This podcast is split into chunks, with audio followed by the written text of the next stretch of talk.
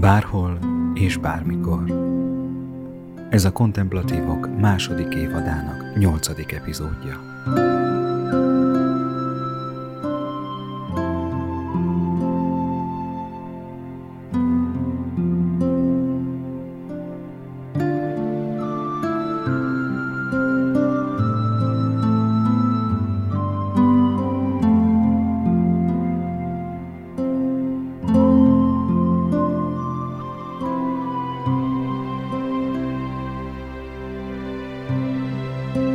Nyitogassuk tovább mély érzelmeink szobáinak ajtaját, ajtajait, és ezekben a szobákban keressük az érzelmi jellegű Istenképünket. Azokat az érzéseket keressük itt, amelyek arról szólnak, hogy amikor Istenre gondolunk, akkor ezeket a gondolatokat milyen érzelmek kísérik és talán jó ezt is többes számban mondani. Érzelmekről van szó, talán nem biztos, hogy egy érzelem jelenik itt meg. Lehet, hogy több, még akkor is, hogyha a több érzelemből mondjuk az egyik a leghangsúlyosabb vagy a legerősebb.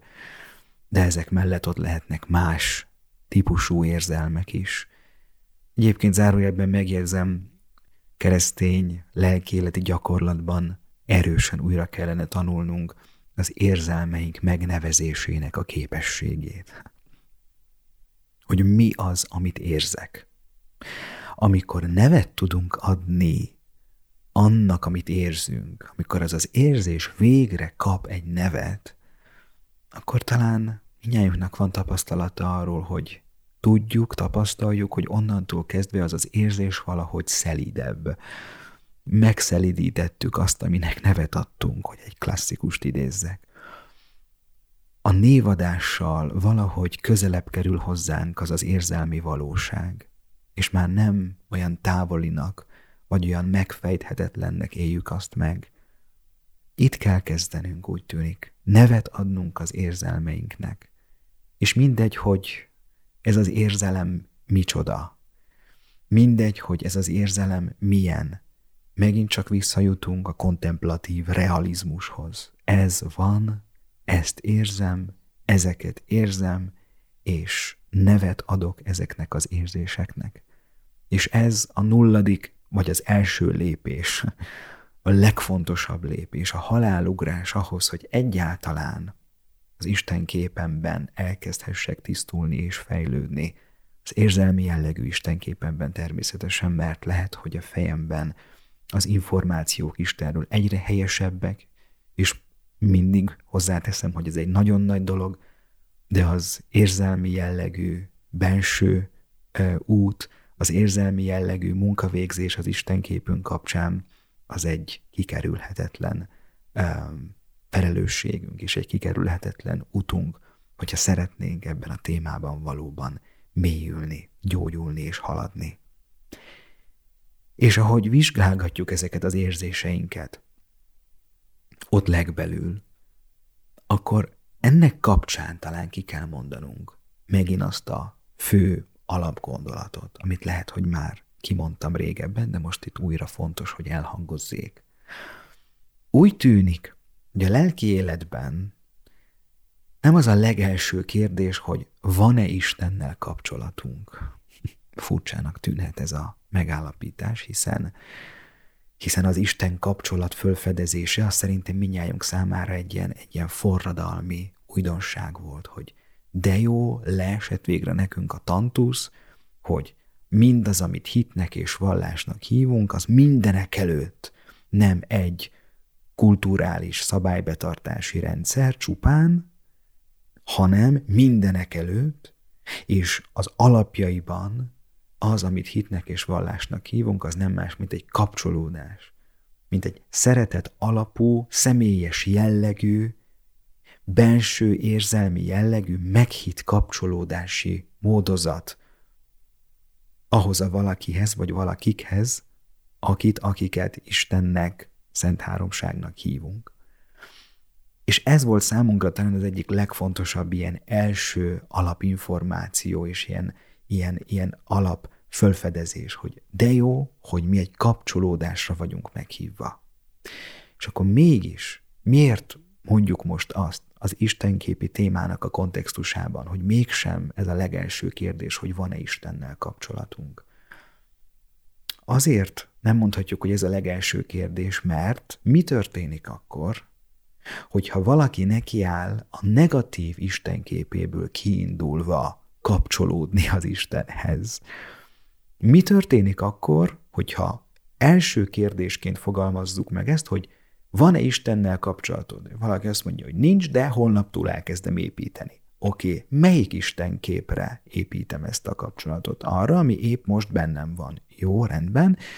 És hogyha az a bennem lévő Istenkép leginkább érzelmileg sok-sok torzulást tartalmaz, akkor egész egyszerűen a kapcsolat Istennel nem fog működni. Már csak azért nem, mert egy torz istenséggel, vagy hozzáteszem, egy nem létező istenséggel kapcsolatot építeni, hát az igencsak nehéz.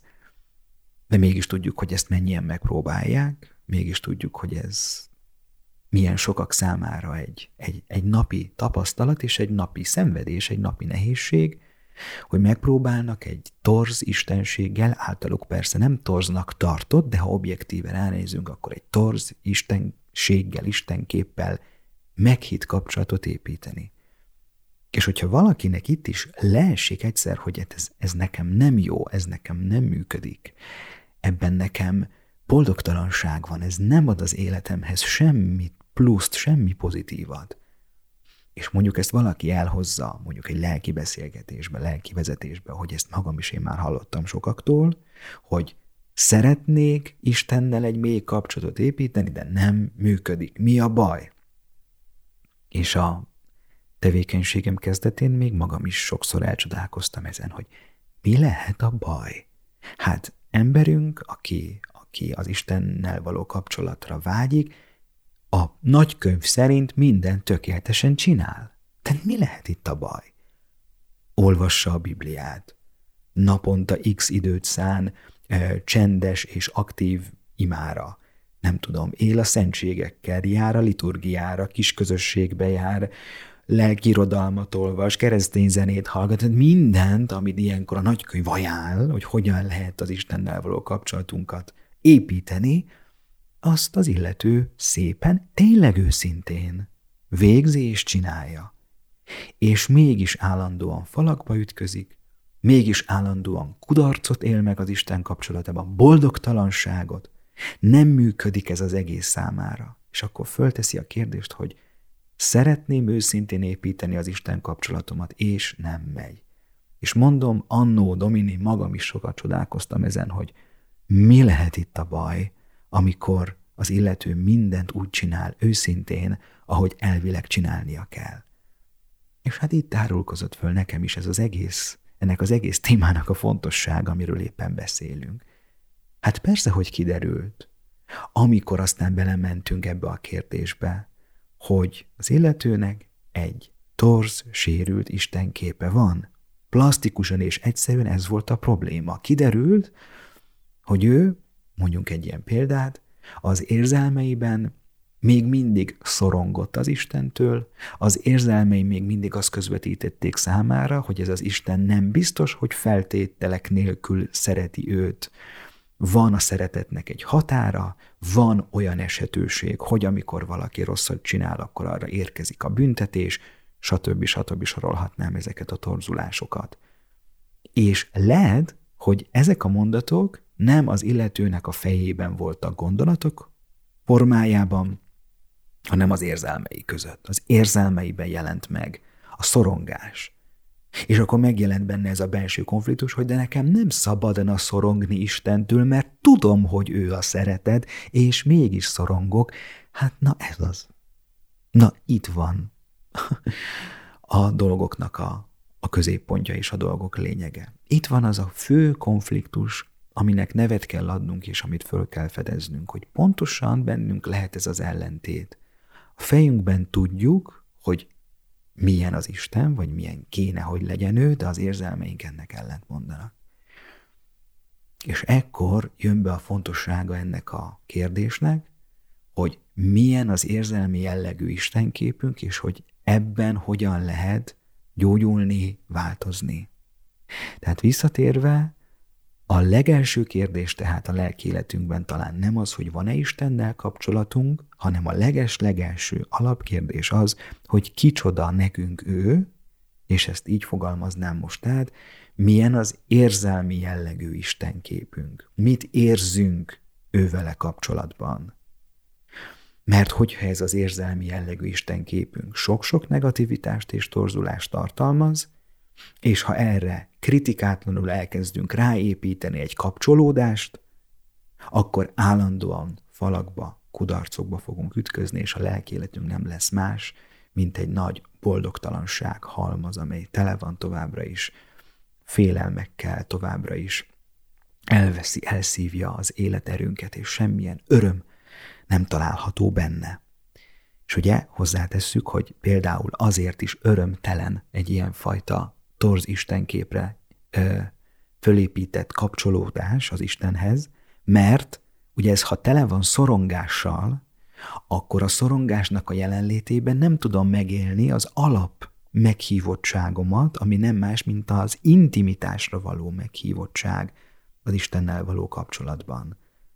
Ugye ez az egész kinyilatkoztatás, amit már idéztünk, amit már emlegettünk, ugye úgy tűnik, mint hogyha Isten a teremtményével egy véghetetlenül mély és intim kapcsolatot szeretne kialakítani, ápolni és fenntartani.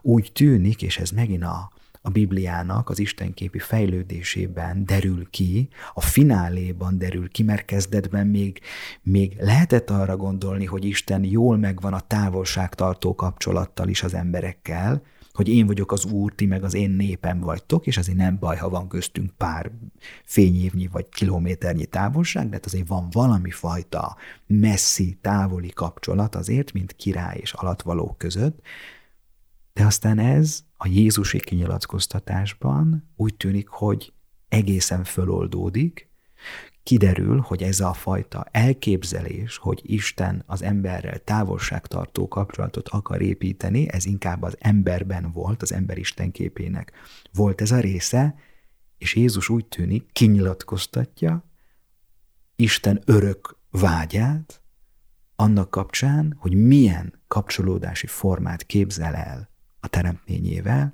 és ez pedig úgy tűnik, a legmélyebb kapcsolódásról szól, ami csak létezik, a legintimebb kapcsolódásról, és ugye horribile dictu, ez még így is hangzik el Jézusnak a, az ajkairól, hogy én bennetek, ti én bennem. Kölcsönös egymásban levés. Mi lehet ennél intimebb? Hát én nem nagyon tudok ennél intimebb együttlétet. Kölcsönös egymásban levés. Isten és az emberi személy kölcsönösen egymásban vannak. Én bennetek, ti én bennem. Én vagyok a szőlőtő, ti a szőlőveszők. Ez egy olyan szintű intimitás, amely kimondhatatlan. A legmélyebb intimitásról, a legmélyebb egyesülésről, egységről szól ez. Úgy tűnik a kinyilatkoztatásból, hogy Isten egy ilyen típusú kapcsolatot képzel el, vagy egy ilyen típusú kapcsolatra vágyik az ő teremtényével, és ugye majd erre még kitérünk, hogy ez, ez, ez miért is van Istenben, miért van benne ez a vágy, azért, mert ez a fajta kapcsolati forma, hogy én bennetek, ti én bennem, ez már ő benne alapjában benne van, amennyiben a Szent Háromság személyei így vannak egymással, hogy egymásban vannak kölcsönösen és ezt akarják megosztani az emberekkel. Na, de ez megint csak a reklám helye volt, mert erre majd bőven kitérünk, amikor a háromságnak a misztériumáról beszélünk.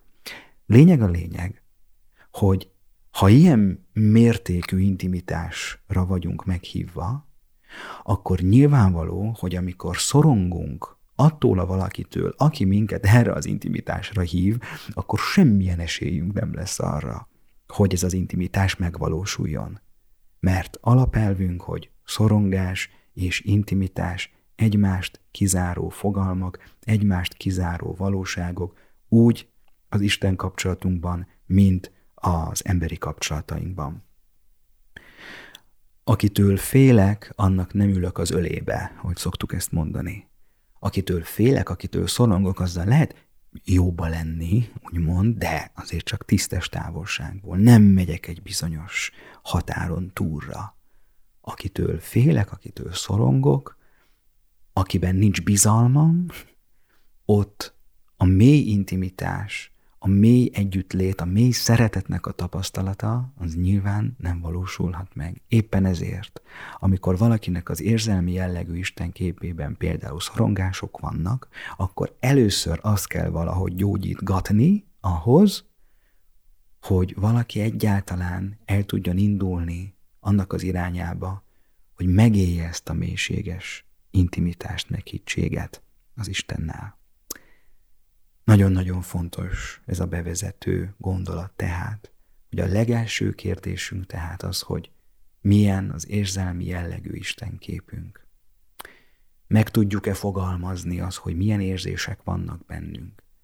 Tettünk-e, teszünk-e lépéseket annak kapcsán, hogy ez az érzelmi jellegű Isten képünk gyógyulgasson, és ebből kiindulólag majd indulhatunk el. Tudatosan, az Istennel való kapcsolat ápolásának az irányában, mert egy egyre tisztább, egyre objektívebb, egyre valósághűbb Istenképre már lehet kapcsolatot építeni, intim kapcsolatot, és ez a nagyszerű örömhír, hogy onnantól kezdve működik, onnantól kezdve a dolog beindul, és ezt is olyan csodálatos látni, amikor valaki gyógyul az Isten képében, amikor a benne lévő érzelmi jellegű Istenkép is egyre jobban megközelíti már a valóságot, és múlnak ezek a félelmek, ezek a szorongások, ez a távolság érzés Istentől, stb. mindezek a negatív érzelmek múlogatnak, és akkor erre szépen, automatikusan, szinte magától már fölépül az Istennel való kapcsolat. Vagy amit nekünk kell proaktívan tenni érte, az működni fog, az menni fog az természetesen fog belőlünk folyni ilyen flóban, mert egy egyre tisztább érzelmi jellegű Istenképre már lehet Isten kapcsolatot, intim Isten kapcsolatot építeni, és akkor működik. Csodálatos dolog ez. Csak látjátok, úgy tűnik, hogy itt kell kezdeni. Mert itt a gyökereknél vannak az elakadások, és mindig vissza kell mennünk a gyökerekhez, akkor, amikor azt akarjuk, hogy az életünk többi területén valami változzon. És akkor így elemezgetjük még tovább ezt a nagyon érzékeny témát, ezt az érzelmi jellegű istenképet, és ennek kapcsán mondjuk ki megint, illetve talán először azt a legfontosabb gondolatot, hogy az Isten kép már kora gyermekkorban kezd kialakulni. Igen, ahogy a lélektanhoz értők megállapítják, az Isten képnek a kérdése, témája, öntudatlanul is bennünk már nagyon-nagyon-nagyon régre megy vissza. És ez pici gyermekkorunkban már kezd kialakulni. És ezért mondjuk azt, hogy mindenkinek van Isten képe, mert az Istennel kapcsolatos értelmi és érzelmi jellegű elképzelések már pici gyermekkorunkban kialakulnak bennünk, és igazából függetlenül attól, hogy valakit vallásosan neveltek-e, vagy sem, erre is majd nem sokára kitérünk. És ahogy a gyermek növekszik, úgy érik még hatások eh, annak kapcsán, hogy milyen lehet az Isten, mert ugye ez a, ez a téma, ez ugye jelen van a világban. Tehát, hogy akár hívő valaki, akár nem hívő valaki, arról már hallott, hogy, hogy, hogy Isten, vagy vannak esetleg olyanok, akik hisznek benne. És lehet, hogy ő benne is kialakult, és ahogy növekszik, egyre jobban kialakul benne egy, egy, egy értelmi és érzelmi jellegű Isten kép is, még akkor is, ha tegyük föl, valaki arra a végső döntésre jut, hogy elutasítja tudatosan ezt az Isten képet. és ugye erre szoktuk azt mondani, hogy a nem hívőknek is van Isten képe. Mert meg kell kérdezni a nem hívőt, hogy milyen az az Isten, akit ő elutasít, és általában nagyon pontosan föl fogja vázolni, hogy milyen. és le fog írni egy Isten képet. És valahol egy logikus döntést hoz, amikor azt mondja, hát hogyha az Isten ilyen, és én nekem valahogy így tűnik, hogy ő ilyen, vagy így ismertették meg velem, vagy ezt érzem vele kapcsolatban, és ez mivel annyira tele van negativitással, torzulással, boldogtalansággal, félelemmel, emberünk azt mondja, hogy nekem ez nem kell, és lecsatlakozom erről a témáról, és elutasítom. és látjátok, olykor mondjuk így, hogy a, az ateizmusnak nevezett valami, amikor valaki legalábbis értelmi szinten elutasítja a, az Istent, mint, mint kategóriát, az lehet olykor egy logikus döntés. Mert hogyha valaki, akár önhibájából kívül egy olyan Istent ismert meg a hozzáérkező információs csatornákon keresztül, mely Isten agresszív, vérszomjas, távoli, érzelmileg zsaroló, stb. stb., akkor valaki az életének egy bizonyos pontjánál azt fogja mondani, hogy én nem választom ezt az Istent, és inkább lecsatlakozok róla. Ha ő ilyen, akkor én inkább úgy döntök, hogy nem hiszek benne, mert nem tudom elhinni, nem tudom föltételezni, hogy ha az Isten, ha létezik, akkor ő ilyen. és ugye sokakban megszületik ez a fajta Isten érv, illetve negatív jellegű Isten érv, hogy például nagyon gyakran elterjedt gondolat, vagy ilyen mondat, hogy ha Isten jóságos lenne, vagy a szeretet lenne ő, akkor nem történne ennyi rossz a világban, nem lenne ennyi szenvedés a világban. Vagy valaki azt mondja, hogy ha Isten létezne, vagy ő jóság, vagy ha ő jóságos lenne, akkor velem nem történt volna meg az a bizonyos borzasztó szenvedés. És mivel ez megtörtént velem, vagy látom a világban, hogy mi történik, ezt nem tudom összekötni azzal, hogy Isten jóságos lenne, vagy szerető lenne, akkor azt kéne kikövetkeztetnem ebből, hogy Isten gonosz, vagy legalábbis van neki egy nagyon sötét oldala is, és akkor inkább azt mondom, hogy, hogy nem is hiszek benne, inkább ne létezzen. Mert sokkal jobb egy nem létező Istennel együtt élni, mint egy gonosz Istennel, akitől minden nap félnem kell. Egyébként zárójelben megjegyzem, sokan választják ezt, inkább élnek együtt a torz Istenképpel, inkább élnek együtt az általuk gonosznak vélt Istennel. Még akkor is, hogyha ez rengeteg szenvedéssel jár számukra nap, mint nap, és újra és újra választják, mert túlságosan félnek attól, hogy ezt a gonosz istenséget el kéne utasítaniuk. De egyébként az érzelmeik mélyén lehet nagyon is ott van a vágy, hogy bárcsak ne létezne az az Isten, aki megnyomorítja az életemet. És sokak számára pedig ez a döntés valahogy mégis eljön. Nem akarok hinni benne. Elutasítom. De neki is van egy istenképe. Úgy tűnik, hogy egy torz istenképe van, amelyet elutasít, amelyel nem akar együtt élni. Egy nem létező Istent utasít el, fogalmazhatnánk így is. És akkor megjelenik bennünk a, a gondolat, főleg ben, azokban, akik, akik próbáljuk nap mint nap gyakorolni az Istennel való kapcsolatunkat, sőt, akár még hirdetni vagy tanítani is, hogy, hogy milyen jó lett volna, hogyha az illető, aki elutasítja ezt a torz istenképet, ő egy pozitív istenképpel találkozott volna. Milyen nagyszerű lett volna, hogyha benne érzelmileg és értelmileg egy pozitívabb kép alakul ki, de úgy tűnik, hogy negatív kép alakult ki benne. Ha pozitív alakult volna ki, ha megismerte volna akár a szüleivel való szeretet kapcsolaton keresztül, akár a kereszténységnek a, az evangelizációs tevékenységén keresztül azt a szerető abbát, akit Jézus kinyilatkoztat, akkor lehet sokkal, de sokkal, de sokkal kisebb eséllyel utasította volna el. Mert miért utasítanék az életembe valamit, ami jó, ami boldogságot ad, ami nem szorongás, ami nem teher, hanem egy jó dolog? azt, azt nem biztos, hogy elutasítom, sőt. És éppen ezért jegyzi meg például a második vatikáni zsinat, ugye a katolikus egyháznak ez a nagy megújulási zsinata, ugye a 20. 20. század második felében, vagy 60-as éveiben történt ez meg, és az egyik fő dokumentum mondja ki, hogy az ateizmus kialakulásáért nagyon is felelősek azok a gyakorló keresztények, lelkipásztorok, stb., akik torz módon mutatták be a hitet a világnak. Ezt fogalmazhatnánk így, hogy egy torz istenképet mutattak, tanítottak, stb. És látjátok, éppen ezért mm, alakulhat ki oly sok embertársunkban ez a fajta döntés, hogy ők inkább azt mondják, hogy nem akarnak együtt élni egy ilyen Istennel, és azt mondják, hogy ő nem létezik, de Isten képük nekik is van.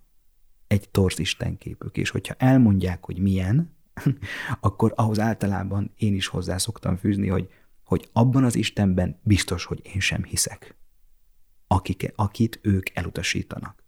Mert általában az az Istenség, akit ők leírnak, az egy kegyetlen, távoli, borzasztó valaki, és abban nyilván én sem hiszek. És továbbra is hiszem és vallom, hogy a Jézus által kinyilatkoztatott Isten, ő nem a kegyetlen és borzasztó valaki, hanem az a valaki, aki csak és kizárólag a szeretet és a jóság. Tehát mindenkinek van Isten képe. Minden egyes embernek van Isten képe. Még akkor is, hogyha valaki azt mondja, hogy az Isten a semmi. Nem is az, hogy nem hisz benne, hanem azt mondja, hogy nekem Isten a semmi. Vagy a kozmikus energia, vagy bármit mondhatunk, az egy Isten kép. Neki ilyen az Isten képe. Aztán majd meglátjuk, meg megvizsgáljuk, hogy ez mennyiben felel meg a valóságnak, vagy mennyiben nem. Mindenkinek van tehát Isten képe. És ez az Isten kép, amely már oly ö, korai, ö, pici gyermekkorunktól elkezd bennünk kialakulni. Na ez végső soron miről szól. És akkor itt térünk rá arra, amit már az előző epizódban is kezdtem megérinteni, mint nagyon-nagyon fontos témát és kérdést. Az érzelmi jellegű istenképünk, amely egy bennünk ülő csomag, amelyet hozunk magunkkal, ami reflexzerűen megjelenik bennünk, és aminek a létezéséről nem tehetünk, mert egyszerűen bennünk van, ez mi? Miről szól? Miben áll ez az érzelmi jellegű istenkép? És itt nagyon-nagyon fontos behozni azt a lélektan által megállapított nagyon-nagyon fontos megállapítást és, és igazságot, hogy az Istenképünk az gyakorlatilag nem más, mint az anyaképünk és az apa képünknek az összessége. És itt most nyilván földi szüleinkre kell gondolni. Az édesanyánk képe és az édesapánk képe gyúródik össze, olvad össze, sok más tényező is alakítja az érzelmi jellegű istenképünket, de ez a kettő leginkább, és ennek a kettőnek az összegyúródása projektálódik rá, vetítődik ki az érzelmi jellegű istenképünkre. Tehát Istent érzelmileg így éljük meg, így képzeljük el. És ez úgy tűnik, hogy egész egyszerűen így működik. Az édesanyánkhoz és az édesapánkhoz való kötődésünk módját éljük meg az Isten kapcsolatunkban is.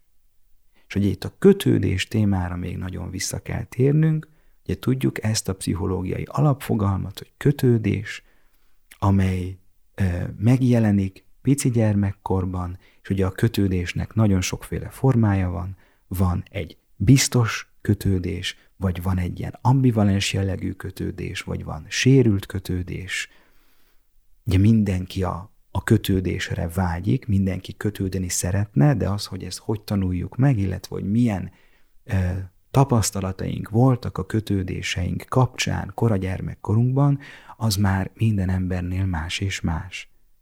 De annyi biztos, hogy a, a szüleinkhez való kötődés módját ismételjük meg az Isten kapcsolatunkban is akaratlanul, érzelmileg, még akkor is, ha értelmileg azt mondjuk magunknak, hogy ez nem így van. Ezek az érzelmek, amik az Isten képünkre jellemzőek, ott azokban a mély benső szobáinkban, ezek nagyjából lefedik a szüleinkhez való kötődésnek a módját. És ez az érzelmi jellegű Istenkép már nagyon korán kialakul bennünk. Ehhez a témához értő szakemberek föltették a kérdést, illetve kutatják, kutatták a kérdést, hogy vajon melyik szülővel megélt kapcsolatunk a meghatározóbb az érzelmi jellegű istenképünk kialakulása szempontjából. Ugye az anyával vagy az apával való kapcsolata meghatározóbb.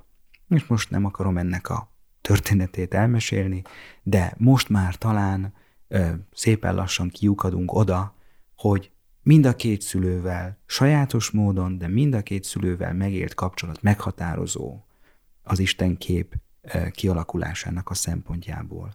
Az anyával való kapcsolat nyilván abban speciális, hogy ez ős mintája az Istennel való kapcsolatnak. Tehát ez, a, ez az intimitás, hogy, hogy én bennetek és ti én bennem. Hát ezt az emberi személy hol éli meg fizikailag mindenek előtt? Az édesanyja méhében. Ez ott valósul meg. Ez az egymásban levés misztériuma. Ez ott, ott, ott létezik. Ez ott, ott megvan fizikailag. És az anyával való kapcsolat emiatt, mondom, egy ős mintája az Isten kapcsolatunknak, illetve az Isten kép szubjektív kialakulásának. És hogyha az édesanyjával a gyermek átélte a feltételek nélküli szeretettséget, kialakult benne ez az úgynevezett ős bizalom, és ezáltal biztos kötődése alakult ki az édesanyjához, akkor nagy valószínűséggel ki lehet mondani, hogy az istenképe is nagyjából ezt fogja lefedni, és emiatt egy pozitív istenképe lesz. És mindez elmondható az apával való kapcsolatról is, annak sajátos, speciális vetületeivel. Az apához való sajátos kötődés biztonsága vagy bizonytalansága nagy hatással van nyilván az érzelmi jellegű istenképünkre, főleg ami az első isteni személye már emlegetett atya megközelítést illeti. A negatív atya kép mögött természetesen sajnos nagyon sokszor negatív apakép, negatív apa kapcsolat állhat. És itt nyilván kiderül, hogy sokaknak miért olyan nehéz megközelíteni az első isteni szemét, miért olyan nehéz valamit kezdeniük az abbával, mert ott nekik az édesapjukkal megélt kapcsolatban valamilyen fajta sérülés, valamilyen fajta szorongás, valamilyen fajta nehézség van, amely automatikusan ráprojektálódik az első isteni személyre. Úgy tűnik, hogy ezek a dolgok bennünk így működnek. És megint csak ki akarom ezt emelni, hogy ezek nagyon-nagyon érzékeny témák. Ez mindenkinek annyira intim, szubjektív, hogy nem is mernék most én ennél tovább menni, mert tudom, hogy ez a néhány mondat is már most mindenkiben beindította talán a gondolkodást annak kapcsán, hogy hogy is van ez? Milyen volt a gyermekkori tapasztalatom, a kötődésemnek a módja a szüleimhez, ezt mi hatotta át, milyen érzelmek, milyen tapasztalatok voltak ebben, és ezt vajon hogyan viszem rá, hogyan projektálom rá az Istennel való kapcsolatomra, az Isten képemre. És ez szerintem az alapkérdése az Isten kapcsolatunknak. Tehát ezt nem lehet kispórolni, mert ezt kell tisztáznunk legeslegelőször ahhoz, hogy egyáltalán valamilyen fajta kapcsolódásról beszélhessünk az Istennel, hogy valamilyen fajta kapcsolódást meghitt kapcsolódást megélhessünk ő vele. És hát mindebből következik, hogy a kialakuló érzelmi istenkép pozitív vagy negatív mi voltát a szüleinkhez való kötődés biztonsága vagy bizonytalansága határozza meg. Sok más tényező is meghatározza, ez majd még jön, de ez a két alaposzlop, ez a két alappillér, ezen áll az érzelmi jellegű istenképünk. Az édesanyánkkal és az édesapánkkal megélt korai kötődésünknek a módja, az ősbizalmunknak a megszületése, vagy a kevésbé megszületése, mindaz, ami ezekben az érzelmi benső szobánkban van, ez projektálódik rá az érzelmi istenképünkre, ha akarjuk, ha nem. És itt három példa, hogy vannak ezek a kötődési módok, ugye van, hogy biztos kötődés, ambivalens kötődés, vagy ilyen elkerülő, sérült kötődés a szülőkhöz. Három példamondat következik arra, hogy, hogy valaki ezt hogy projektálhatja rá az Isten kapcsolatára, pozitív módon, negatív módon, vagy ilyen köztes módon egyaránt. Tehát olyan mondatok következnek, amit valaki az Isten képéről mond, de itt már már is mögé érezzük, hogy neki vajon milyen kötődési tapasztalata lehetett kora gyermekkorában és utána is a szüleihez. Az első mondat így hangzik. Isten általában szeretetteljes, törődik velem és válaszol szükségleteimre. Úgy tűnik, hogy mindig tudja azt, hogy mikor támogasson, védjen, és mikor hagyja, hogy hibát kövessek el. Istenhez való viszonyom mindig megnyugtató és boldog, elégedett vagyok vele. Ez az egyik. A második, amely egy ambivalens kötődésről szól. Isten úgy tűnik számomra ellentmondásosan viselkedik velem. Néha szeretetteljes és törődik velem, máskor meg egyáltalán nem vagyok biztos abban, hogy szeret és törődik velem. Időnként úgy látom, hogy olyan utat mutat nekem, amit valójában nem értek. És akkor a harmadik, ami egy sérült kötődési módozatról szól, annak a kivetülése. Isten általában személytelen és távoli számomra. Gyakran látom úgy, hogy kevéssé vagy egyáltalán nem érdeklődik a dolgaim és problémáim iránt. Sokszor van olyan érzésem, hogy nem sokat törődik velem, vagy az, hogy nem szeret. Mind a három példamondat mögött érezzük, látjuk azt a valóságot, hogy az illető, aki ezeket a mondatokat mondhatta, milyen kapcsolódási módot, kötődési módot élt meg gyermekkorában édesapjával, édesanyjával.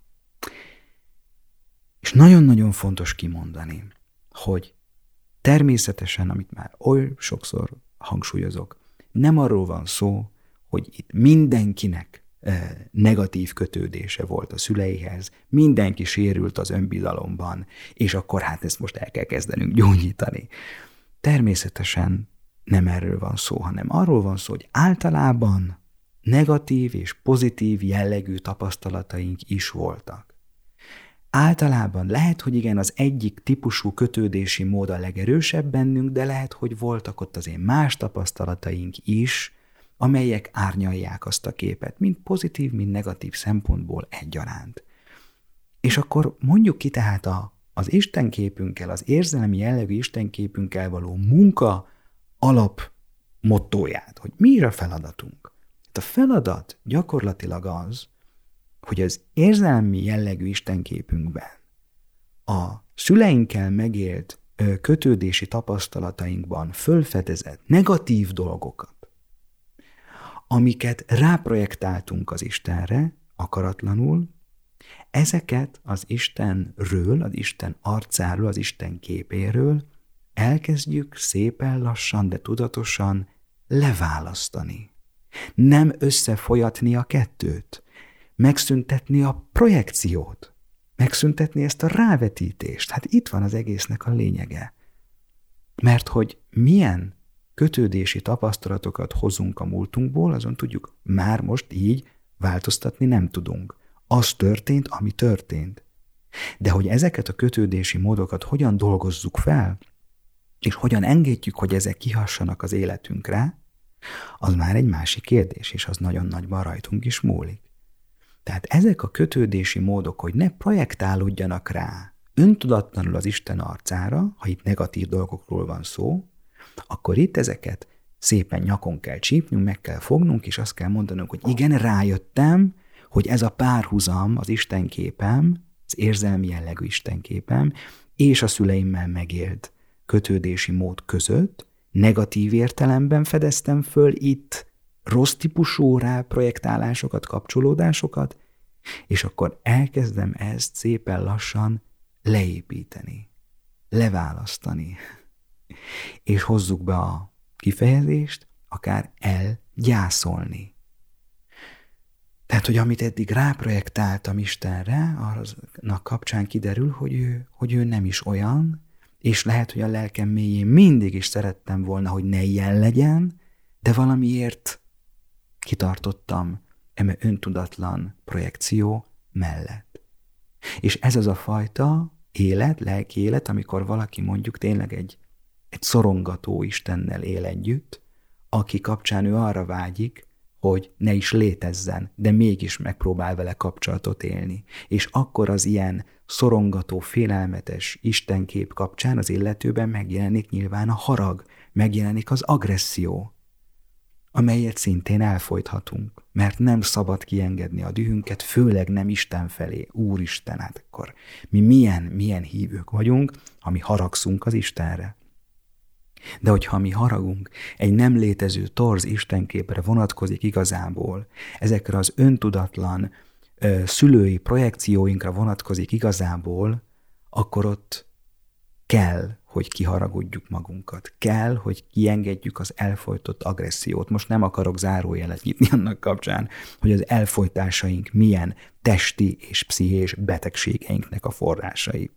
Ez azt hiszem megint csak evidencia, hogy az elfolytott harag, az elfolytott agresszió, az elfolytott düh, az elfolytott gyász, az millió-millió testi, pszichés megbetegedésünknek az alapja, és ott, ott lüktet az a bizonyos kiengedetlen, földolgozatlan harag és düh csomag, amely, amely rátelepszik a szerveinkre.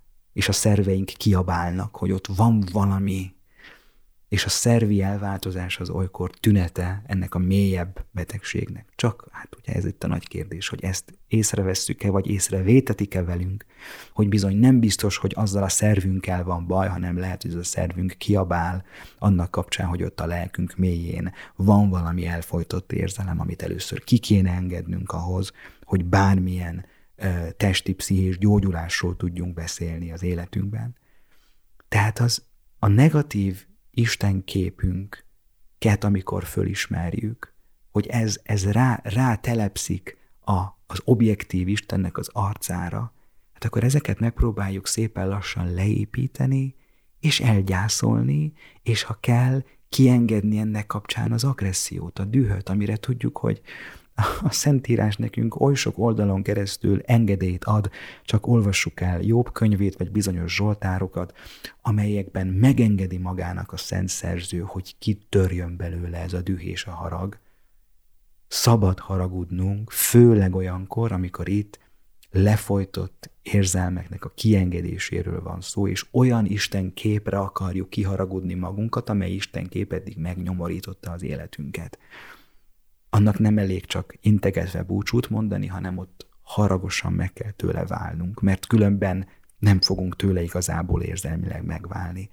És hozzáteszem egyébként is, majd fogunk erről beszélni, hogy ez milyen sokszor nem megy egyedül, milyen sokszor ehhez segítséget kell kérnünk, hogy valaki segítsen nekünk abban, hogy ez a, az érzelmi jellegű eltávolodás a negatív istenképeinktől megtörténjen az érzelmeink szintjén. Nagyon sokszor ez nem megy egyedül. Tehát ez a munkánk egyik része, a negatív leépítése és elgyászolása, és a másik, azt mindig szeretnék kiemelni, hogy amikor az Isten képünkben pozitív érzelmeket is tapasztalunk, amikor az Isten képünkre igenis, hála a jó Istennek, rávetül pozitív módon, ami ősbizalmunk, a szüleinkkel megélt szeretettségtudatunk, ősbizalmunknak és biztos kötődésünknek a tapasztalata, hát akkor azt nyilván nem kell leépíteni, hanem ott azt tudatosabban kell beépíteni. és ez is gyönyörű, amikor az érzelmeink között ezt fölfedezzük, hogy, hogy az az ősbizalom, az a biztos kötődés, az a biztonságos szeretettségtudat, hogy én én szeretve vagyok, és biztonságban vagyok, és lehetek én bárki, lehetek bármilyen, csináltok akármit, akkor is a szüleim szeretett gyermekem maradok. És ez, a, ez az ős biztonság, ez az ős bizalom, a kötődésnek ez a bizonyossága, a szeretettségnek ez a tudat, tudata, ez szintúgy rávetül, ráprojektálódik az Istennel való kapcsolatunkra, az, az érzelmi jellegű Istenképünkre. De mivel tudjuk a kinyilatkoztatásból, hogy ő ő, ő ilyen, ő a szeretet, hát akkor alé, akkor ezeket az érzelmeket, ezeket a kötődési módokat, ami pozitív, akkor nem, hogy csak így immelámmal kell kezelnünk, hogy jaj, hát, hát de jó, hogy bennem ilyen is van, hanem megragadni és tudatosan még jobban beleépíteni az Isten képünkbe és az Isten kapcsolatunkba érzelmileg. Mindazt az érzelmi pozitivitást, amit a gyermekkori tapasztalatainkból hozunk a szüleink kapcsán, azt még jobban beletenni. És azt mondani magunknak, vagy arra gondolni ilyenkor, hogy ha engem ennyire szerettek, emberi személyek, akkor az Isten maga, aki, aki csak és kizárólag a szeretet, az akkor milyen módon szerethet engem, milyen módon bízhatok benne, milyen végtelen módon tart ő engem akkor biztonságban. Tehát ebből kiindulva, még tudatosabban beépíthetem ezeket a pozitív érzelmeket, tapasztalatokat az Isten képembe és a ebből kialakuló Isten kapcsolatomba. Tehát, hogy itt is van munka egyébként ennél a pozitív résznél. Mert lehet, hogy amikor eszünkbe jut az, hogy tehát, hogyha én, én, én emberileg is megéltem, átéltem ezt az ős kötődést, ezt az ős szeretet bizalmat, akkor, akkor föltételezhetem tényleg, hogy az Isten ilyen és sőt még végtelenül ilyenebb. Ilyenkor egyébként valljuk be, belénk szokott ö, törni, egy belénk szokott hasítani egy olyan gondolat, hogy túl szép ez ahhoz, hogy igaz legyen. tényleg, tényleg az Isten képzelhetem el így érzelmileg is? Hogy bármi történik, akkor is szeretve vagyok általa? Hogy ez az ős bizalom, ez tényleg működhet vele? Mert itt ugye bevillanhat nekünk az a sok-sok később az Isten képünkre rátevődött oly fals információ, hogy azért, azért Istenről, az, Istenről azért vigyázni is kell, azért ne gondoljuk ezt azért annyira túl, azért itt ne liberalizáljuk túl ezt azért a dolgot, mert végén akkor még mi lesz itt a, nem tudom, a parancsokkal, meg a szabályokkal, meg a bűnnel, meg ezekkel a kérdésekkel, ha még a végén érzelmileg rácsatlakozunk Isten szeretetére, hát akkor mi lesz itt ezzel a rendszerrel, amit felépítettünk? Hát, és ez szokott lenni sokszor a kérdés, hogy hát és akkor a bűn, és akkor a parancs, akkor a smafú? Hát azért, azért, azért, azért vegyünk azért két lépés távolságot ettől. És talán ennél a pontnál kell, hogy megszülessen bennünk a bátorság, hogy ez nem fogadom el, hogy ez túl szép ahhoz, hogy igaz legyen, hogy az Isten tényleg ilyen, hogy ő tényleg ez. És ha nem hiszem el, csak nézzek rá a tékozló fiúnak az, az apjára ott a példabeszédben. Vagy vagy nézzek rá a megfeszített Krisztusra, mint a szeretet maximális kinyilatkoztatásának az ikonjára. Hát ezekből nem az következik, hogy az a szeretet, amire, amire vágyakozom, amiről álmodom, és aminek, aminek egy ilyen nagy emberi érzelmi részét a szüleimmel való kapcsolatban megtapasztaltam, ez nem illúzió, ez nem fantázia, ez tényleg van. Szabad ebben hinni, szabad így Istennel kapcsolatban lenni.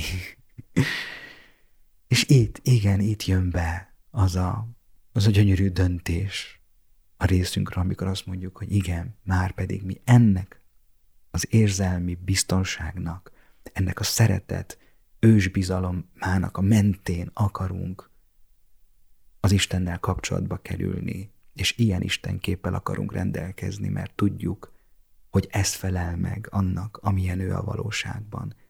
Tehát látjátok, itt van ez a két e, munkadimenzió az érzelmi jellegű Istenképünk kapcsán. Az ő ráprojektált, múltbeli tapasztalatainkra épülő, ő ráprojektált negativitást leválasztani, leépíteni, kisírni magunkból, elgyászolni, segítséggel, ha kell, a múltbeli tapasztalatainkra épülő pozitív érzelmeket, pozitív kötődési módot, ősbizalmat, szeretetség tapasztalatot pedig még jobban, még jobban beépíteni az Isten képünkbe, és engedni, megengedni magunknak azt a, azt a gondolatot és azt az érzelmet, hogy, hogy de csodálatos, hogy, hogy ő ilyen, és hogy igenis megengedem magamnak, hogy én, én így lássam őt, hogy így legyek vele kapcsolatban, hogy ezt érezzem vele kapcsolatban. Megengedem magamnak, végre. Tehát mind a két oldalon van munkánk. A negatív leválasztásában és a pozitív beépítésében egyaránt. Hát azt hiszem, ennek nyomán minnyájunknak van gondolkodni valunk. Ennek nyomán minnyájunknak van munkánk. saját magunk belső világa kapcsán föl tudjuk fedezni egyre jobban, egyre őszintébben, és mondom, emberi segítséget bevonva, ha kell, hogy mik ezek a negatív pontok, és mik ezek a pozitív pontok. De akikne, akinek ez megvan, aki mind a kettőnek nevet ad, és aki elindul őszintén a leválasztás és a beépítés útján, az meg fogja tapasztalni, hogy az érzelmi jellegű Istenképe egyre tisztább lesz, egyre gyógyultabb lesz.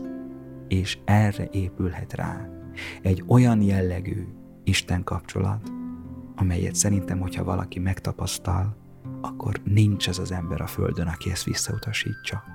Mert egy ilyen gyönyörű tapasztalatot, egy ilyen gyönyörű szeretetet, egy ilyen őrülten csodálatos kapcsolatot és intimitást mégis kiutasítana el. Aki ezt már megtapasztalta, az nagyon is tudja, és az tudja, hogy ez mindig az ő legbensőbb erőforrása, és legbensőbb kincse fog maradni. Talán ezért a kincsért érdemes minden áldozatot meghozni, és minden lépést megtenni, ami az Istenképünk tisztulásának a munkájához tartozik.